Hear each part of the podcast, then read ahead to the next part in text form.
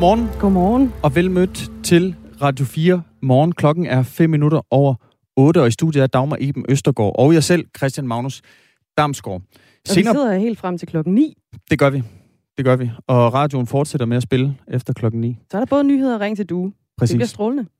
Øhm, en historie, vi kommer forbi i løbet af denne time, det er Hvide Rusland. Fordi her, der mærker det nu nogle af konsekvenserne efter søndagens flykabring, hvor en øh, journalist og oppositionsaktivist blev anholdt. EU har siden besluttet sig for at lukke luftrummet for hviderussiske fly, og en række europæiske flyselskaber har nu indstillet flyvningen i hviderussisk luftrum. Og jeg sad lige og, og sappede lidt rundt på de internationale medier. Jeg kan se, der er faktisk øh, der er nyt. Ja. Fordi at, øh, nu er det nemlig sådan, at Rusland har nægtet fly fra EU og lande i Moskva, hvis ikke de har fløjet igennem hviderussisk luftrum. Så, så det vil sige, at et fly fra, det lad os sige Danmark, skal mm. flyve igennem russisk luftrum for at russisk luftrum. luftrum for at lande i Moskva. Mm-hmm. Okay, det er, det, det er i hvert fald en melding på, på TV2. Øh, vi har Mads Anneberg, som er EU-rapporter her på, på kanalen, og altså også vært på, på kontinentet. Ham har vi med cirka 25 minutter i ni. Inden vi kommer dertil, Dagmar, så skal det handle lidt om os selv. Det skal det. Vi skal snakke en lille smule om øh, Radio 4, med spørgsmålet, er sex for åben mikrofon i journalistikkens navn, er det acceptabelt? Det er nemlig et spørgsmål, der står tilbage, efter vi her i Radio 4 morgen i mandags sendte en reportage. Her der var vores øh, reporter Louise Fischer på besøg i Svingerklubben Swingland i Ishøj for at øh, fange stemningen. Svingerklubberne de fik nemlig lov til at slå dørene op, efter indendørs kontaktsport måtte genåbne. Og ja, det er altså den kategori, svingerklubberne også øh, hører ind under.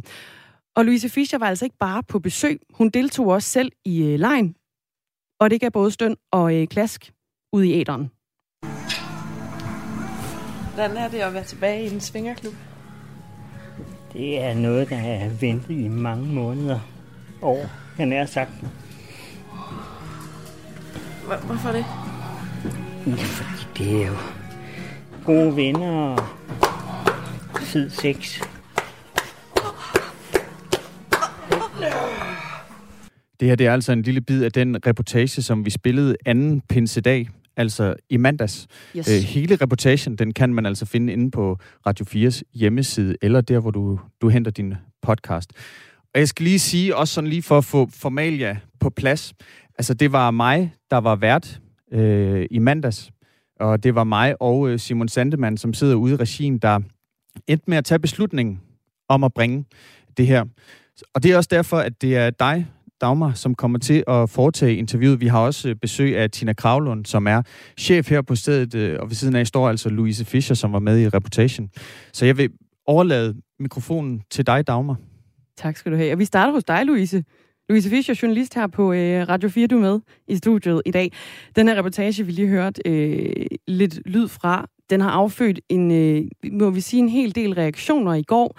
Øh, særligt efter Jyllandsposten jo berettede om den, og du har både været i radio og i tv og på forsiden af en masse medier.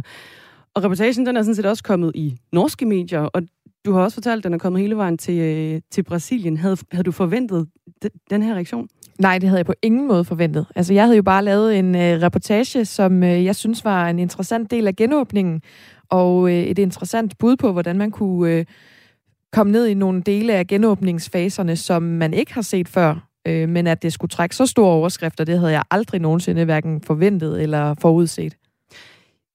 Det var jo dig, vi hørte i klippet her, have sex mens du interviewede en, øh, en mand og spurgte, hvad det, var, han, øh, hvad det var, han så, og hvordan det er at være tilbage jo også.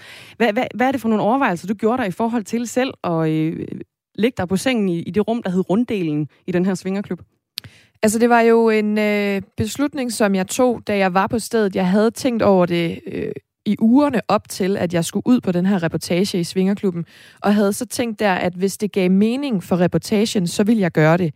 Det vil ikke, øh, det vil ikke gøre mig noget. Altså, jeg er selv meget øh, frigjort, og øh, synes, at man skal kunne tale åbent om sex, og kunne høre sex, øh, fordi det er så en naturlig del af det hele.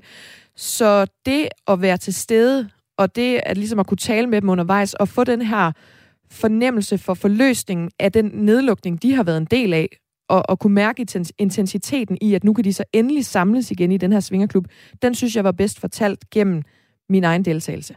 Men altså, man kan sige, lydende støn og klask kan man jo også godt få ved at være observatør på det og stå ved siden af. Kunne, det ikke, altså, kunne den her reportage ikke også godt have været forløst, uden du selv deltog? Den kunne godt være forløst, uden jeg selv deltog. Så havde man bare ikke fået lige så godt et indblik i, hvad det, hvad det betyder for de her mennesker at kunne øh, mødes igen og kunne få stillet den der hudsult, som de alle sammen talte om. Der er jo ikke nogen, der kunne have forklaret mig nede i barn, hvad det, hvordan det føles endelig at kunne være inde i en kvinde igen, eller endelig at kunne røre et andet menneske igen i den svingerklub, som mange af menneskerne jo ikke har kunne. De har jo ikke kunne røre hinanden i flere måneder. Kunne du også have fået den samme, kan man sige, altså, jeg tænker, er, øh, er det nødvendigt at gå så intimt til værks for at få den her adgang? Til dels. Altså, jeg synes, man skal, man skal overveje sine egne grænser, hvis man vil gøre noget som det her. Jeg synes, det gav det ekstra at være så meget til stede, at man kunne, altså, at man, mens man hører, at, at de har sex, og at jeg er en del af den sex, at de så også fortæller, jamen, hvad betyder det så, og kan få stillet den her hudsult igen. Men jeg synes heller ikke, det er noget, som øh, jeg vil opfordre andre til at gøre, hvis det overskrider deres grænser. Du siger det her med, at, øh, at du ikke havde forventet, at den havde fået så store reaktioner, den her reportage. Kunne man ikke næsten have, have tænkt den tanke, når man dyrker sex for åben mikrofon som journalist? Altså, det kunne man måske godt, men det havde jeg bare ikke tænkt, fordi sex er en meget naturlig del af mit liv, og af den måde, jeg taler både med min familie og mine venner. Øh, jeg synes, at sex øh, skal være noget, man ikke behøver at skabe en kæmpe stor debat om, fordi alle har sex, også om morgenen, også om aftenen, også i svingerklubber, også med sin partner, også i one night stands, man får i byen.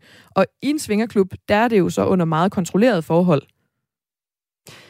Du har fået en masse positive tilkendegivelser på den her reportage. Folk synes, det er frisk gjort, du er mega sej, og du er en totalt dedikeret øh, journalist, som virkelig går, øh, går ind i sit arbejde jo for, øh, for fuld hammer. Øh, men der er også dem, som synes, det er alt for meget at dyrke sex for åben mikrofon, at du selv skal deltage i den her akt og være en aktiv del af, af genåbningen af den her svingerklub på, i, i, i København. Hvad, hvad vil du sige til de mennesker, som synes, det her det er alt for meget? Jeg synes måske, de skal tage og løsne lidt op. Altså, jeg, øh, jeg har selv gode erfaringer med, at jo mere man taler om sex, både med en partner, men også med venner og familier, jo, øh, jo klogere bliver man på sig selv og på, hvad sex kan, og hvordan man kan bruge sex til at, til at få en god hverdag. Og så, så tænker jeg måske, at hvis der er nogen, der er så øh, bonerte over at høre det her, så er det måske, fordi de selv får for lidt. det var første gang, du var i Svingerklub, Louise Fischer. Øh, vi når ikke helt i reportagen, det er jeg lidt nysgerrig på jo. Vi når ikke helt i reportagen. Lige at få sådan det der wrap-up. Lige, en, lige en, en lille, et par ord på den her første gang. Hvordan var det? Det var en fuldstændig vanvittig oplevelse. Det var så fedt, det var så lækkert, det var så... Øh, ja, det var kontrolleret, og det var sexet, og det var mega hyggeligt. Altså, selve sexakten var jo måske en, en time, vil jeg gætte på, ud af de der seks timer, jeg var til stede. Meget af det handlede jo også om, at man ja, snakkede i baren, og man gik ind og røg en cigaret i rygerummet og sådan noget.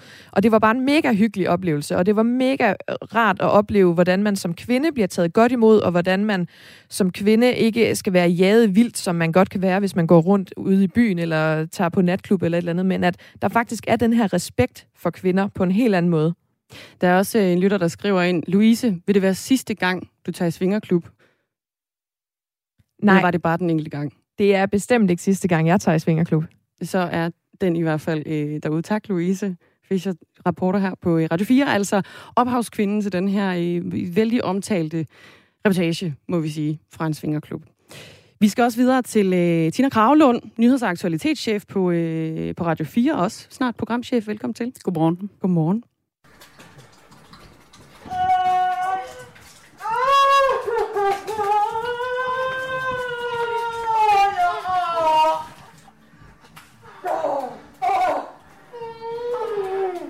Det er som straf, der ligger på fremmed pæt.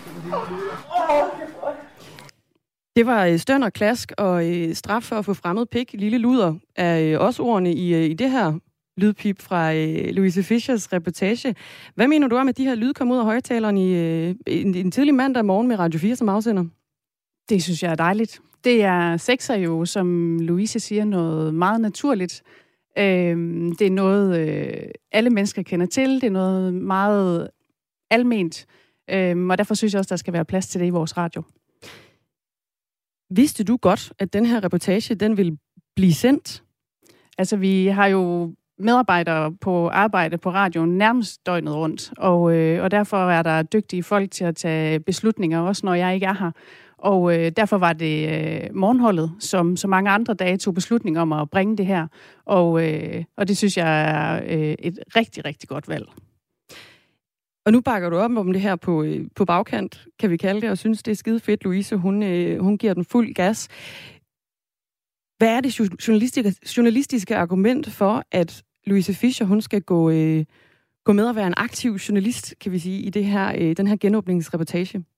Jamen, jeg synes, det giver, en meget, øh, det giver et meget unikt indblik, som man ikke ellers har fået. Altså, øh, der er jo mange journalister, som har våget sig ind i en svingerklub med en mikrofon, og måske har stået i baren lige så forsigtigt.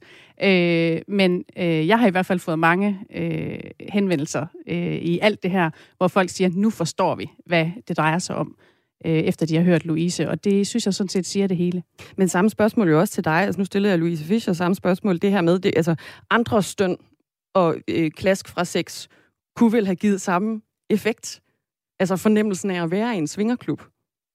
Kunne det jeg, det? jeg synes, det giver noget, at øh, Louise er der øh, og er med i det. Det er, man kan sige, det er jo også et velkendt øh, reportageknep, øh, greb, at man, øh, at man selv øh, kaster sig ind i det, og det har Louise så gjort her.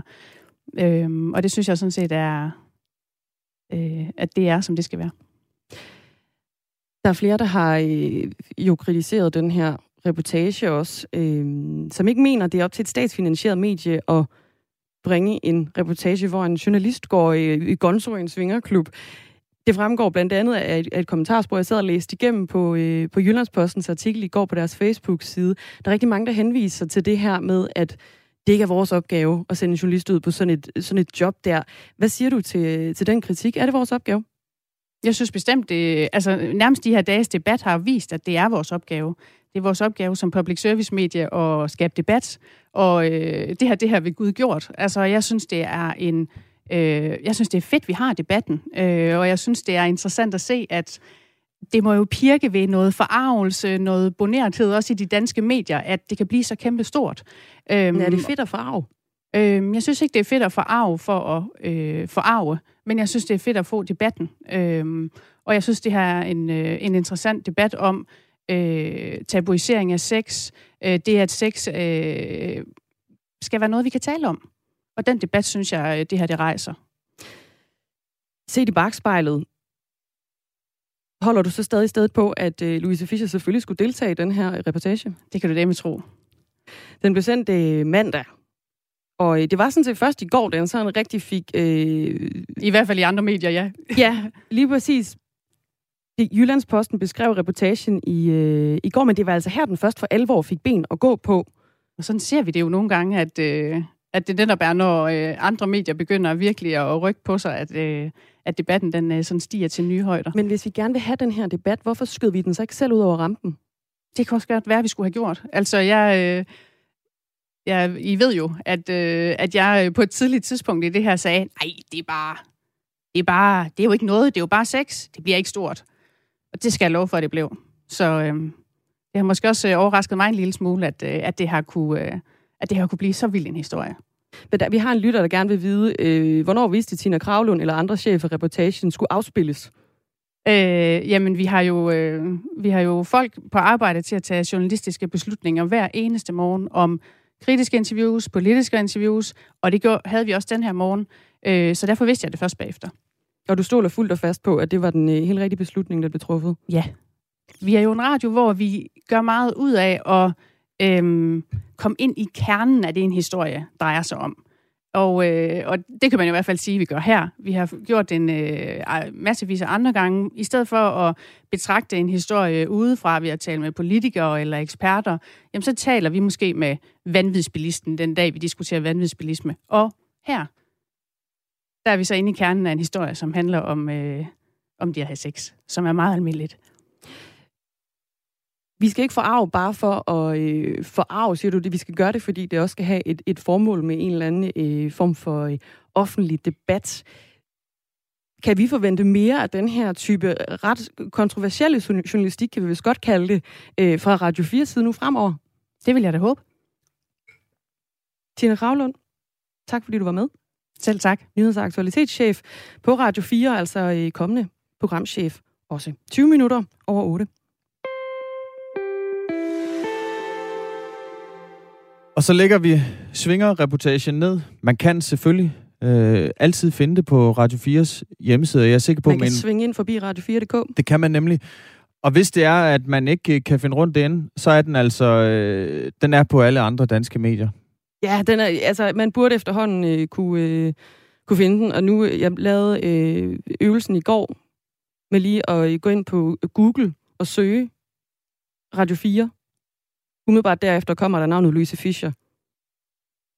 Hvis man søger Louise Fischer, umiddelbart derefter kommer der Radio 4. Man kan nemt finde den. De to er en. Vi skal gerne altså videre til en historie fra Sverige, fordi at Sverige de er klar til at genåbne i stor stil. Det står altså klart efter en femtrinsplan for genåbningen af Sverige torsdag blev præsenteret af den svenske regering, og det skete altså på et pressemøde med den svenske regering og Folkhalsmyndigheten, altså den svenske sundhedsstyrelse. Og dermed godmorgen til Jesper Sølk. Godmorgen. Du er korrespondent i Norden, og du følger selvfølgelig Sveriges genåbning. Første trin i den her genåbningsplan, den begynder tirsdag 1. juni, altså tirsdag i næste uge. Hvad er det, der åbner i Sverige på tirsdag?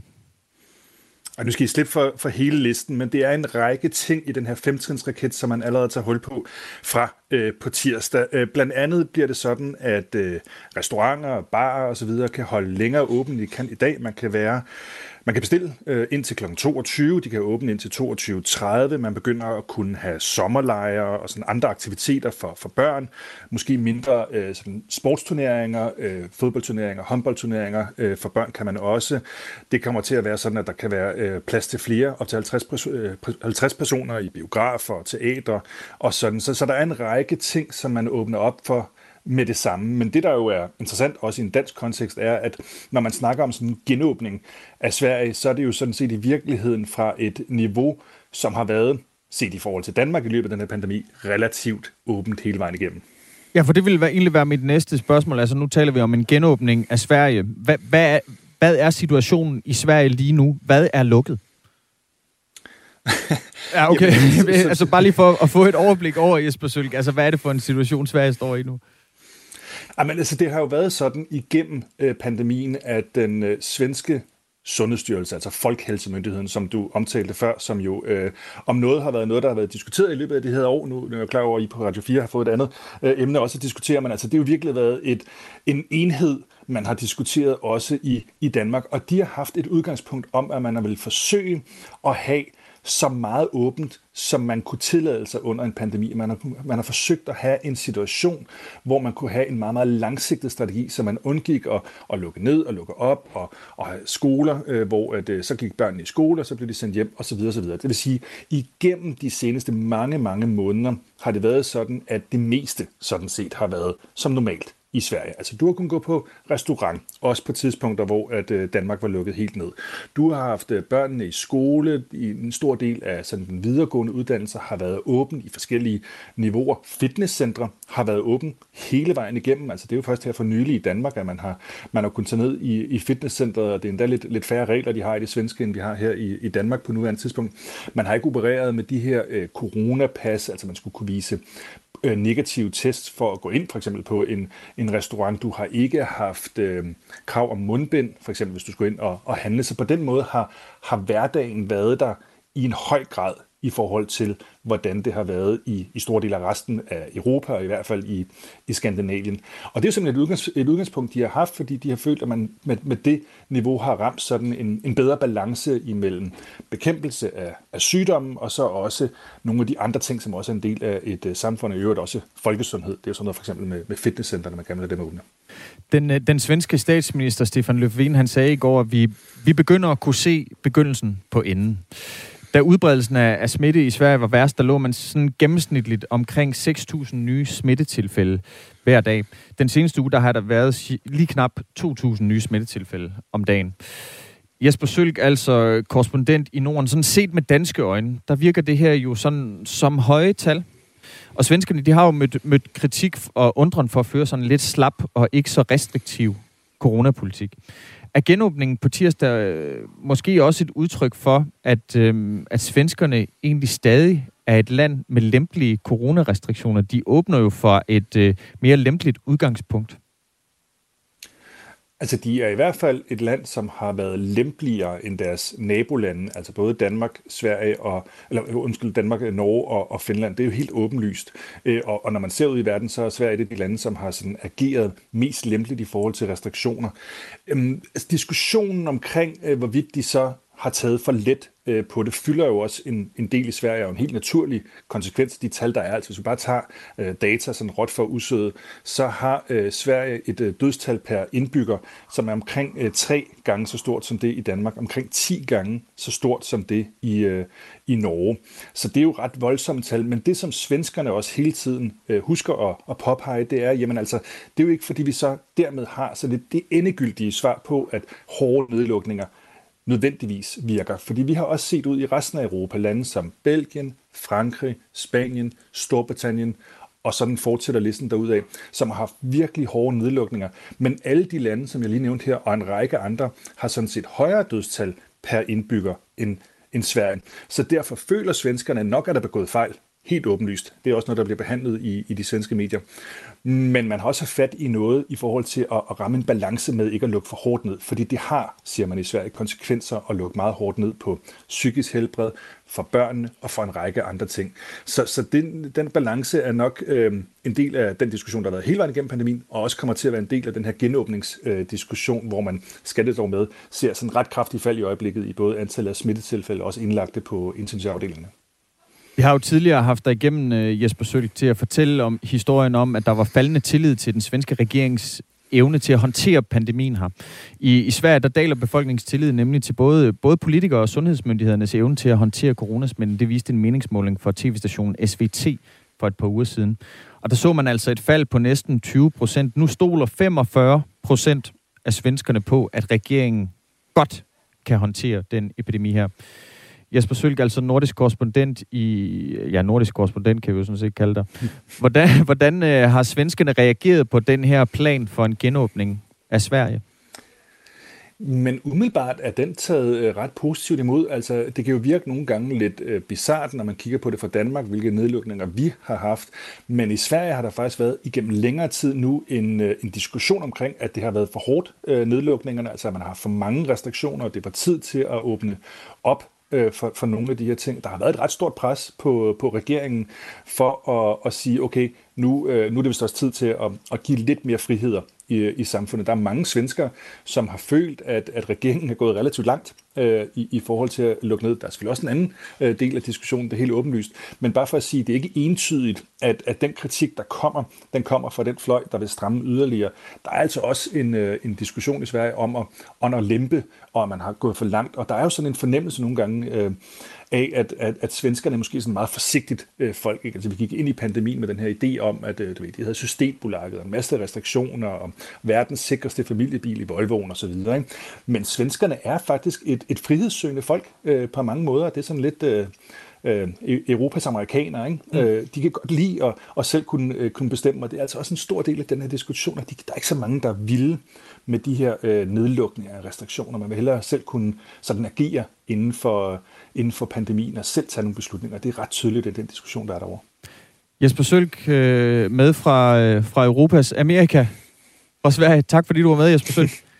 det var så lidt. Altså korrespondent i Norden på den her historie om, at øh, Sverige fra næste uge begynder en genåbning. Det står altså klart efter en femtrinsplan for genåbning af Sverige. Torsdag blev præsenteret af den svenske regering.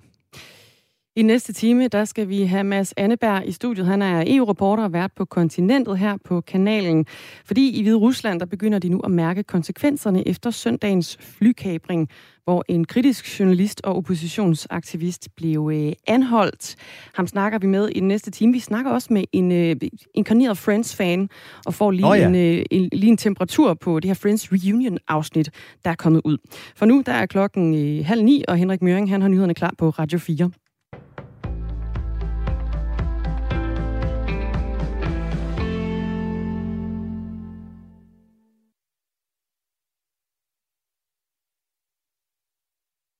tilbage til jeg starter lige forfra.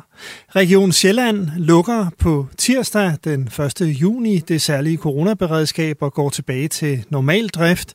Det betyder, at coronaafdelingerne på regionens sygehuse lukker. Patienterne vil blive behandlet på de almindelige medicinske afdelinger.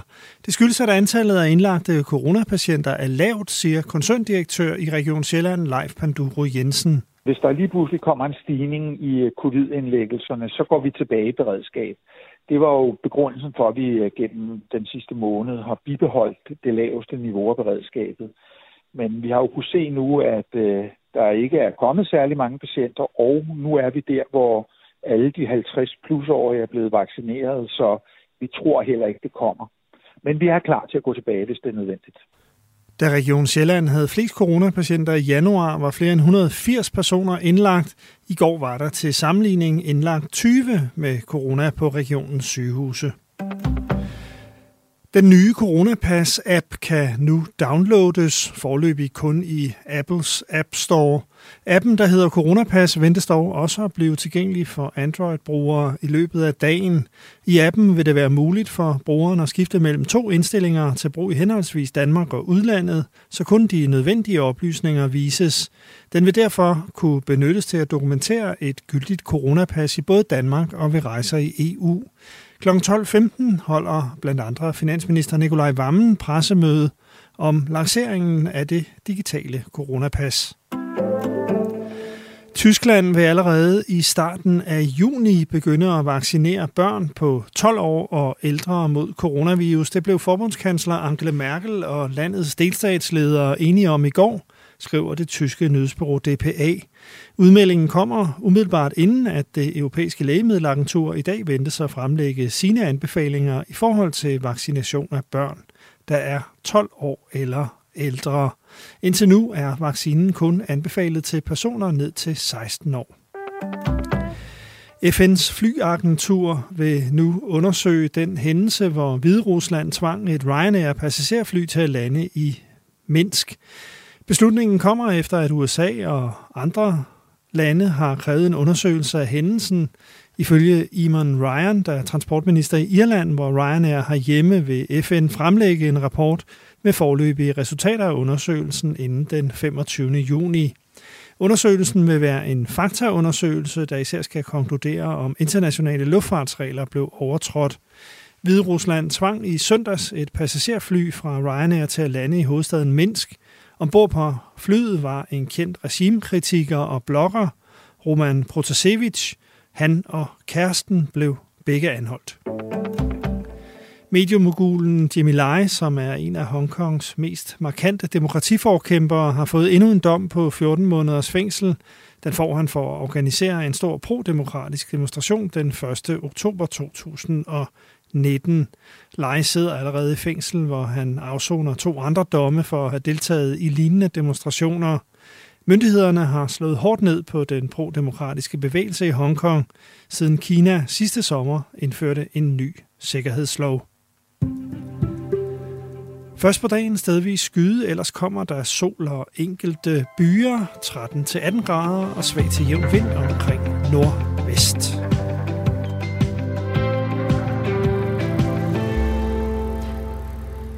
Godmorgen. Godmorgen. Her er det Radio 4 morgen. I studiet er Christian Magnus Damsgaard og Dagmar Iben Østergaard. Og for ikke så forfærdeligt længe siden, det var lige efter klokken 8, der øh, snakkede vi om den her reportage.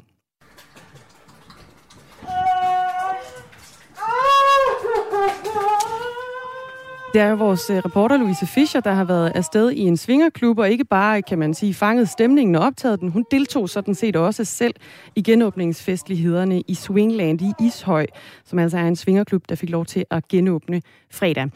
Den her reportage, den har affødt en øh, hel del snak og debat om, hvorvidt det er ok, en journalist har øh, sex for åben mikrofon i øh, journalistens, øh, journalistikkens øh, tegn. Og som altid, så er sms'en åben. Det er den, og det er den i hvert fald også i dag. Det væltede ind med sms'er, da vi snakkede med Louise Fischer, som altså er ophavskvinden til reportagen her. Og vi snakkede også med nyhedsaktualitetschef Tina Kravlund om, hvad er det lige for nogle overvejelser, der ligger bag det her, når man sender en, øh, en reportage afsted, som er så, øh, kan vi sige, eksplicit i sin måde at øh, skildre sex på. Det, det, tror, jeg, når, det tror jeg godt, vi kan sige. Ja, det tror jeg godt, vi kan sige. Særligt når, når journalisten jo også selv deltager. Og den deler altså også vandene på øh, sms'en, kan jeg se. Der er nogen, der skriver sådan. Det er levende radio for fuld udblæsning. Godt, I prøver nyt territorium af. Det er Bo fra øh, Østerbro. Der er også andre, der skriver, rigtig mange lyttere synes, det var intimiderende, og det har intet med frigjort at gøre. Øhm, der er en øh, lytter, som har skrevet her, det er Ivan. Han skriver, seks for åben mikrofon er bare i orden. Vi trænger virkelig til andet i ørerne end coronavacciner og udrejse. Så mere af det. Axel skriver, fedt, øh, det indslag med Louise var mega fedt. Stor respekt herfra. Håber bare, det var hendes eget initiativ. Og det var det. Det var det. Kan vi afsløre, det siger hun selv. Hun havde overvejet det i en længere periode, om hun skulle deltage eller ej, og det var ligesom op til situationen, om det var det, hun, øh, hun netop skulle gøre. Den her reportage, den blev altså sendt i mandags.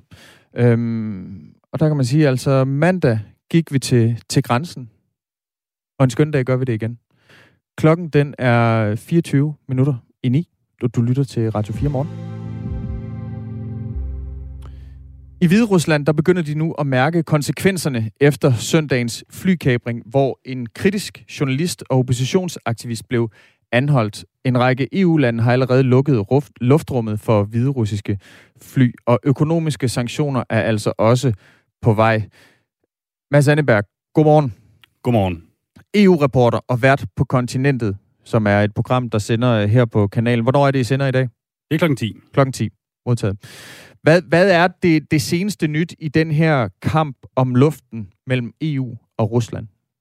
Ja, og Hvide Rusland. Altså, man kan sige, nu er det jo lidt svært at komme efter øh, swingerklubber her til morgen, ikke? men altså, der, der, der sker meget på den her front. Jeg tror, der er øh, mange her blandt dig, Christian Magnus, som vil synes, at det trods alt også er, er relativt spændende. Altså, det der skete, det var, at EU-landene er ligesom ind af en kant, kant begyndt at øh, lukke luftrummet for, for hvide russiske fly, efter den her øh, spektakulære hændelse, der, der skete i, i, i søndags.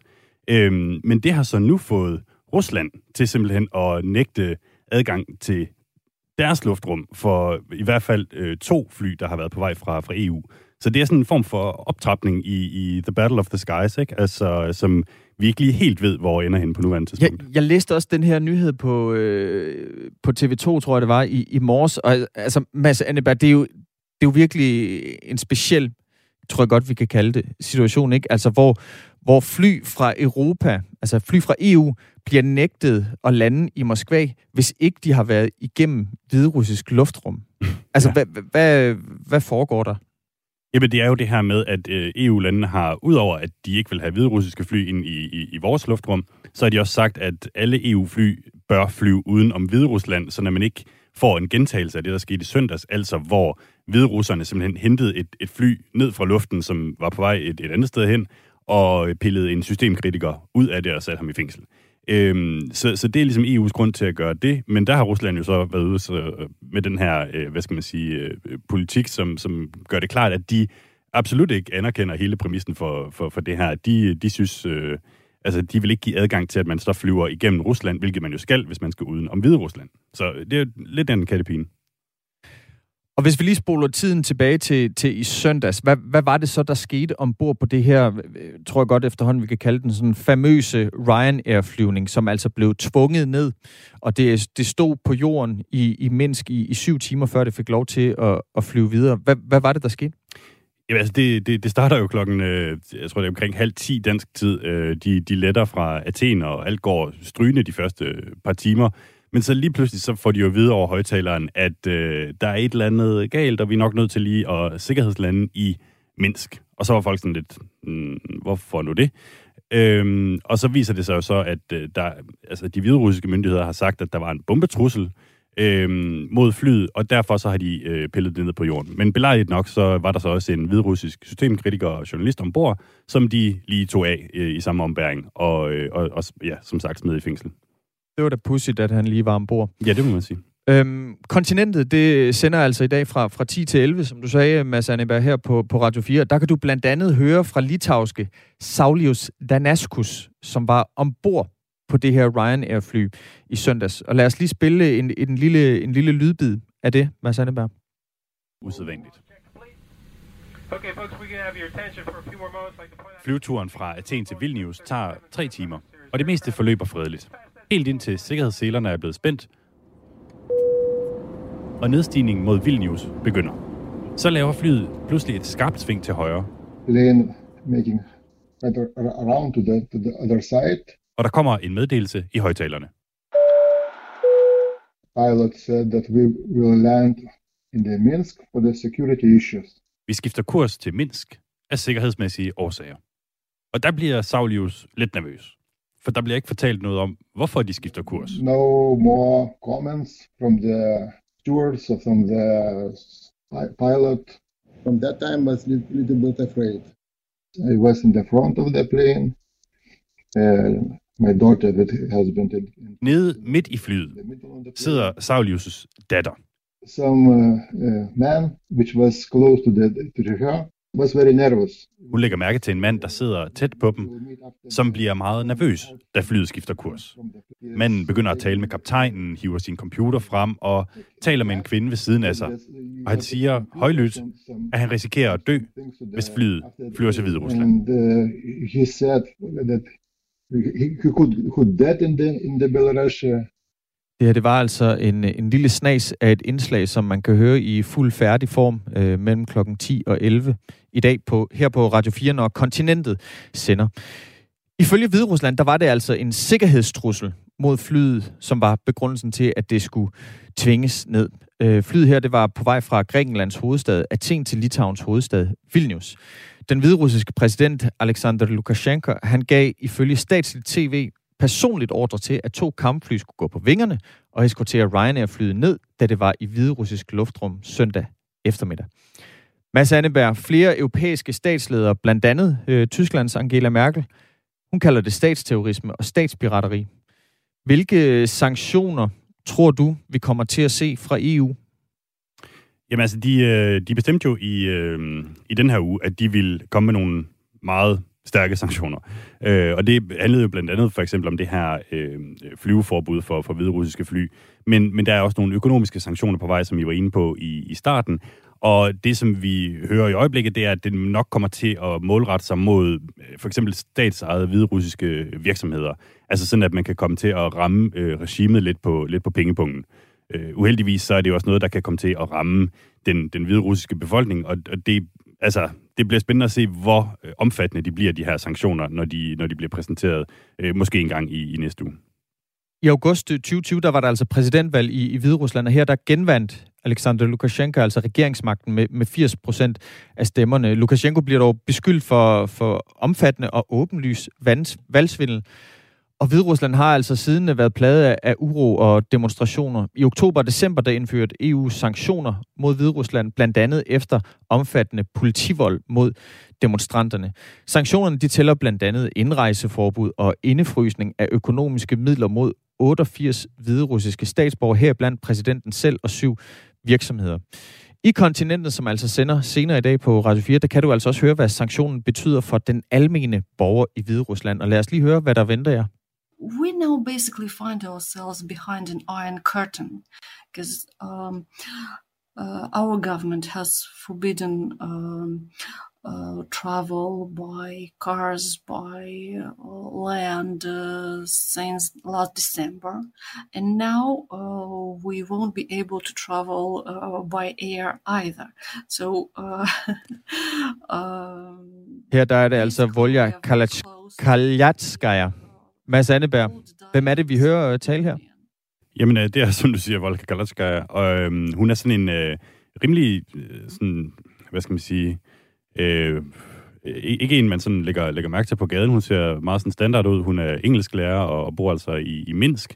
Men, men hun er sådan rimelig øh, badass, og hun har lige været i fængsel et par måneder her, fordi hun kom til at give en losing til en, øh, en Lukashenka-støtte til en, øh, en af de her demonstrationer i, i Hvide Rusland og, og lige nu sidder hun altså i husarrest. Og det, hun taler om her, det er, at øh, efter at EU har indført det her flyveforbud, som så kommer oveni, at øh, Hviderusland har lukket øh, landgrænserne, jamen så er øh, hviderusserne stort set øh, uden muligheder for at komme ud af det her land. Og det er der jo nogen, øh, især hvis de har været kritiske over for regimet, der, der rigtig gerne vil øh, i de her tider. Mads Anneberg, vi hørte også Ursula von der Leyen øh, tale om tidligere på ugen, at øh, man vil indefryse en, øh, en økonomisk pulje. Jeg mener, var det, var det 3 milliarder euro, som man ikke vil udbetale til Hvide Rusland, før det bliver demokratisk? Ja, altså, det var jo lidt en underlig øh, udmelding på den façon, at det var jo ikke fordi, at Hvide Rusland var ved at blive demokratisk før i søndags. Altså, det, det, det er jo gået øh, ned ad bakke med, med det siden øh, de her store protester i især august og september. Men de her 3 milliarder bliver så stillet i udsigt som sådan en form for øh, guldråd til når en dag om, øh, hvad ved jeg, øh, 1, 2, 3, 400 år, øh, at, at Hvide Rusland bliver, bliver demokratisk. Altså, så, så det, er, det er nok mere for at sige, at der, der er et incitament, som ligesom øh, hviler på øh, Hvide Rusland, at vi vil gerne hjælpe med at, at genopbygge, når øh, tiden kommer, når, når I er klar, når I er demokratiske. Mads Anneberg, EU-reporter og øh, vært på kontinentet. Tak fordi du var med. Du, du sender, øh, du er i København lige nu. Hvordan kan det være, du er i København?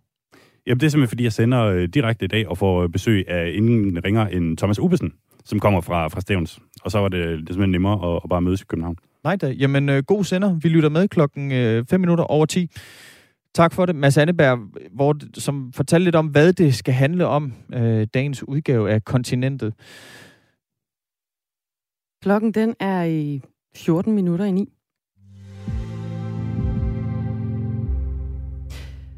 Og så øh, runder vi lige øh, den her igen en gang. Where's the tissue box? The cast of Friends. Wow. Does Courtney still have her lines written on the table? We've literally just slipped right back. We regress. We have such a bond from this show. Were Ross and Rachel on a break? Yes. Yes. Yes. Yes. Bullshit. Ja, i går der kom det er rigtig, rigtig mange længe ventede særafsnit af tv-serien Friends, altså Venner på dansk. Det kom ud på HBO. For øh, selvom successerien Friends fortsat kører på blandt andet TV2, så var det altså blevet tid til endnu en slags øh, reboot af den her mega populære serie. Det er 17 år siden øh, det sidste afsnit blev indspillet, og så er det 27 år siden serien fik premiere. Og når nu der er kommet en øh, Friends reunion, så var vi simpelthen nødt til at øh, ringe til dig, Ida Kamp Holmstrøm. Godmorgen. Godmorgen. Du er venner superfans og har set tv-serien her øh, adskillige gange de seneste 13 år. Vi skal lige høre, hvad synes du som superfan om det her særafsnit? Jamen, jeg synes, det var, det var rigtig fint, og det var rigtig hyggeligt at se den øh, igen. Så ja, jeg synes, det var en rigtig, en rigtig godt afsnit. Så var det, var det super fint, eller var det rigtig godt? det var rigtig godt. Okay. Men altså, det, det er jo altid sådan, når man er super fan af noget, der har været, og så har det været væk længe, og så kommer det så tilbage. Altså, de er jo blevet noget ældre, de her øh, skuespillere, som altså spiller henholdsvis Ross og Rachel og Joey, og hvad har vi ellers? Altså, det er jo sådan... Øh, man kan nærmest ikke lave en reunion på sådan en successerie, uden at den er ringere end det, man husker. Nej, men jeg vil sige, jeg synes, de havde gjort det i et godt format, fordi de, det var jo ikke en, et nyt afsnit af Venner. Altså, det var jo bare et interview og et tilbageblik på serien. Så, og det vidste jeg godt på forhånd, at det ville være. Så, så på den måde synes jeg, at, at det var rigtig godt. Men jeg tror, at hvis man havde forventet at se et nyt afsnit af Venner, så var man nok blevet skuffet, ja. Indtil du fandt ud af, at det her, det var sådan en slags, det er sådan lidt talkshow interviewagtigt. De ser tilbage på den her tid, hvor de, øh, hvor de altså er skuespillere i den her serie, dem der, øh, dem der deltager i den. Indtil du fandt ud af, det, det, det var det, håbede du så lidt på, at det ville være sådan en rigtig Friends reunion, hvor vi møder øh, Ross og Rachel og Monica Chandler og Phoebe Joey, øh, jamen måske 10 år ude i fremtiden, i forhold til der, hvor serien den rent faktisk stoppede? øhm, altså, jeg havde, inden da, øh, havde jeg læst, at de flere gange, både skuespillerne og dem, der havde lavet serien, havde udtalt, at det ville aldrig nogensinde komme til at ske. Så da jeg først hørte, at der skulle komme et nyt afsnit af Venner, så var jeg godt nok lidt mistroisk, fordi jeg jo netop havde læst øh, flere gange, at de havde sagt, at det ville aldrig nogensinde komme til at ske. Så jeg vil sige, jeg, og så fandt jeg også ret hurtigt ud af, at det var heller ikke et nyt afsnit af Venner. Så jeg har aldrig rigtig troet på, sådan for real, at det var et nyt afsnit af Venner. Nej, okay. Så, men ja. Vi øh, dykker lige ned i et par, øh, kan vi sige, ikoniske vennersekvenser, som øh, i, i hvert fald dem, der har set serien, de, øh, de helt sikkert godt kan huske. Ross' abe er blevet tv-stjerne, skal vi tilbage til nu, og Ross han vil gerne have den øh, tilbage, og sammen der synger de så øh, In the Jungle, The Mighty Jungle, for at få øh, den her abe tilbage. In the jungle, the mighty jungle, the lion sleeps tonight. In the jungle, the mighty jungle, the lion sleeps tonight. A whim away, a whim away, a whim away, a whim away, a whim away, a whim away, a whim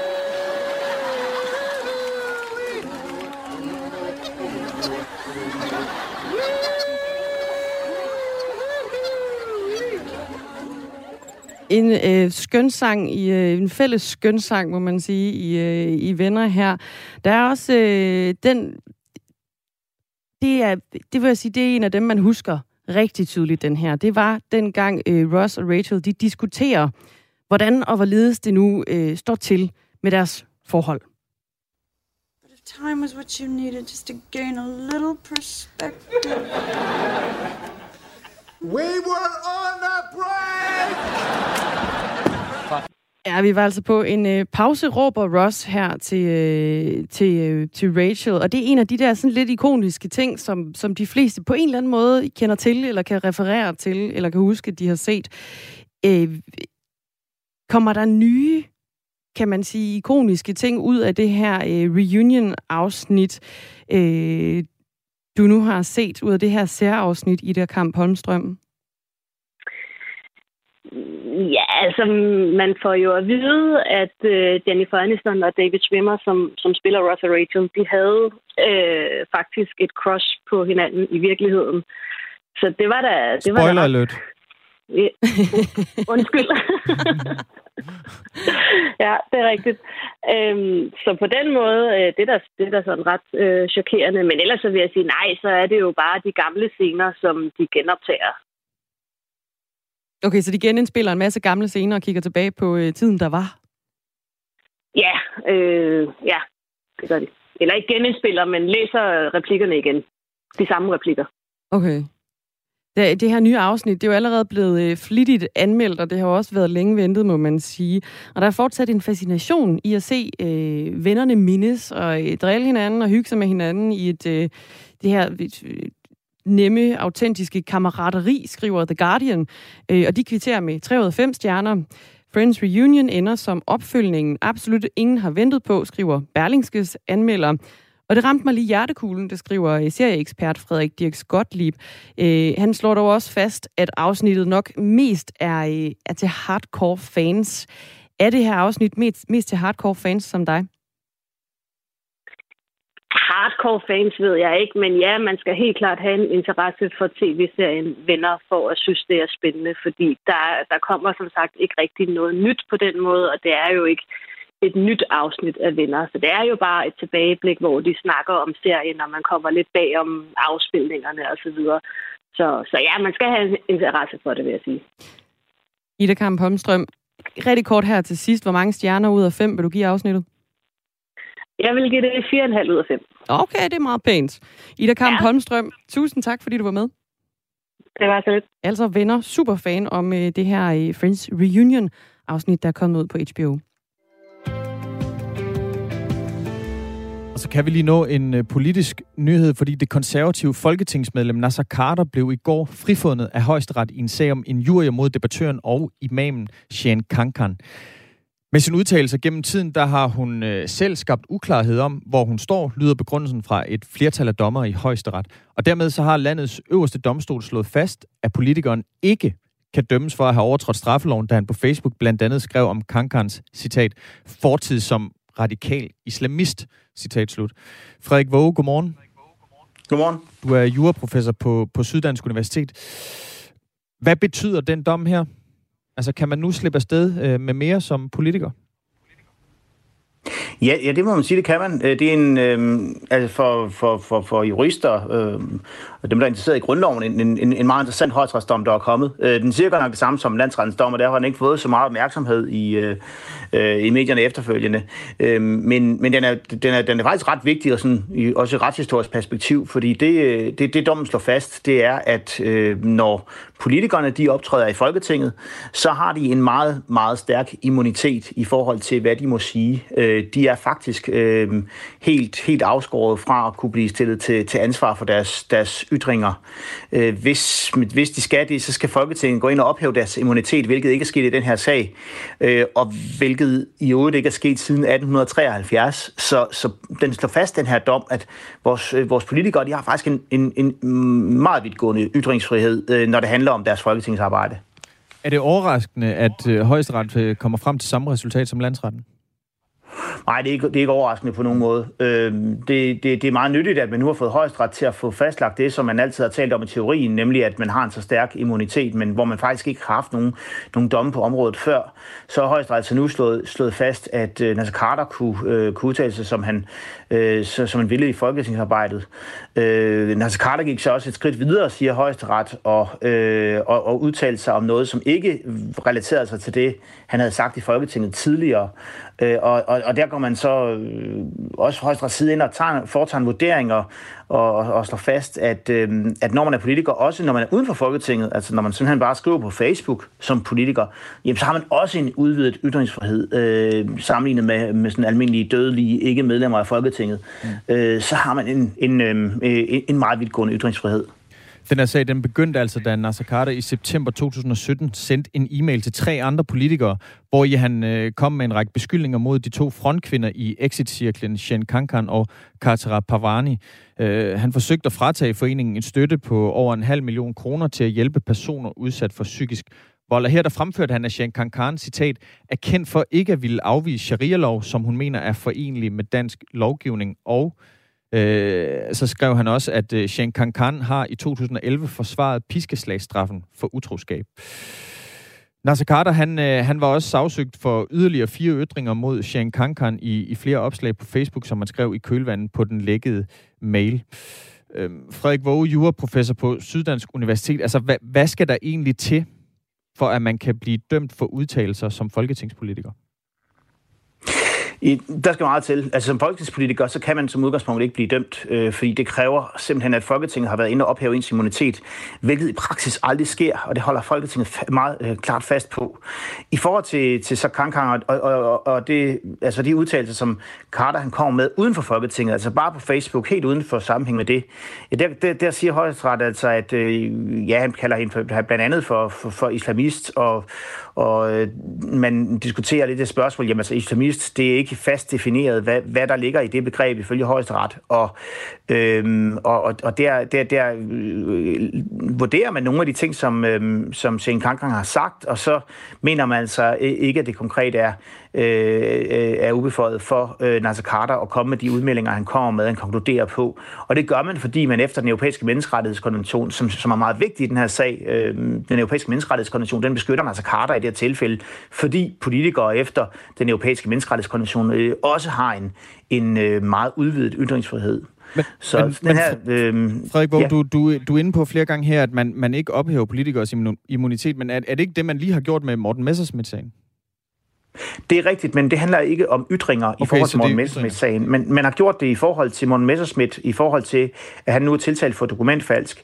Øh, der er en meget væsentlig forskel, fordi når det handler om, om at ophæve øh, immuniteten, når det handler om at begå andre strafret og strafretlige overtrædelser, så vil sige, så, optager, så over, øh, ophæver Folketinget faktisk taget altid øh, immuniteten. Men, øh, og det har vi rigtig mange eksempler på. Men når det handler om ytringer i folketingsarbejdet, så har vi ikke set nogen eksempler, som, som vi fik nævnt før, siden 1873 73 på, at man har gjort det. Så Folketinget, de våger meget stærkt. Og der tror jeg, Frederik, Frederik Boge hoppede af linjen. Jeg tror egentlig også, øh, vi har hørt det, øh, der var øh, interessant at høre om den sag her, altså sagen om øh, det konservative folketingsmedlem Nasser Carter, som i går blev frifundet af højesteret i en sag om injurier, altså en, øh, en dom, som Frederik Våge kalder historisk, også altså også i, i tråd med den dom fra landsretten. Således er Radio 4 morgen kommet til en ende. Ja. Og også min tid. Og også Radio 4 din Morgen. tid. Det var den i hvert fald sidste udsendelse fra min hånd og stemme i denne omgang. Men Radio 4 morgen fortsætter. De lever videre. Og øh, man kan selvfølgelig tune ind på mandag 6.05. Der er det Kasper Harbo og Jakob Grosen, der står på mikrofonerne. Tak for den gang, Dagmar. Tak for den gang. Og god, øh, god fredag. God fredag derude.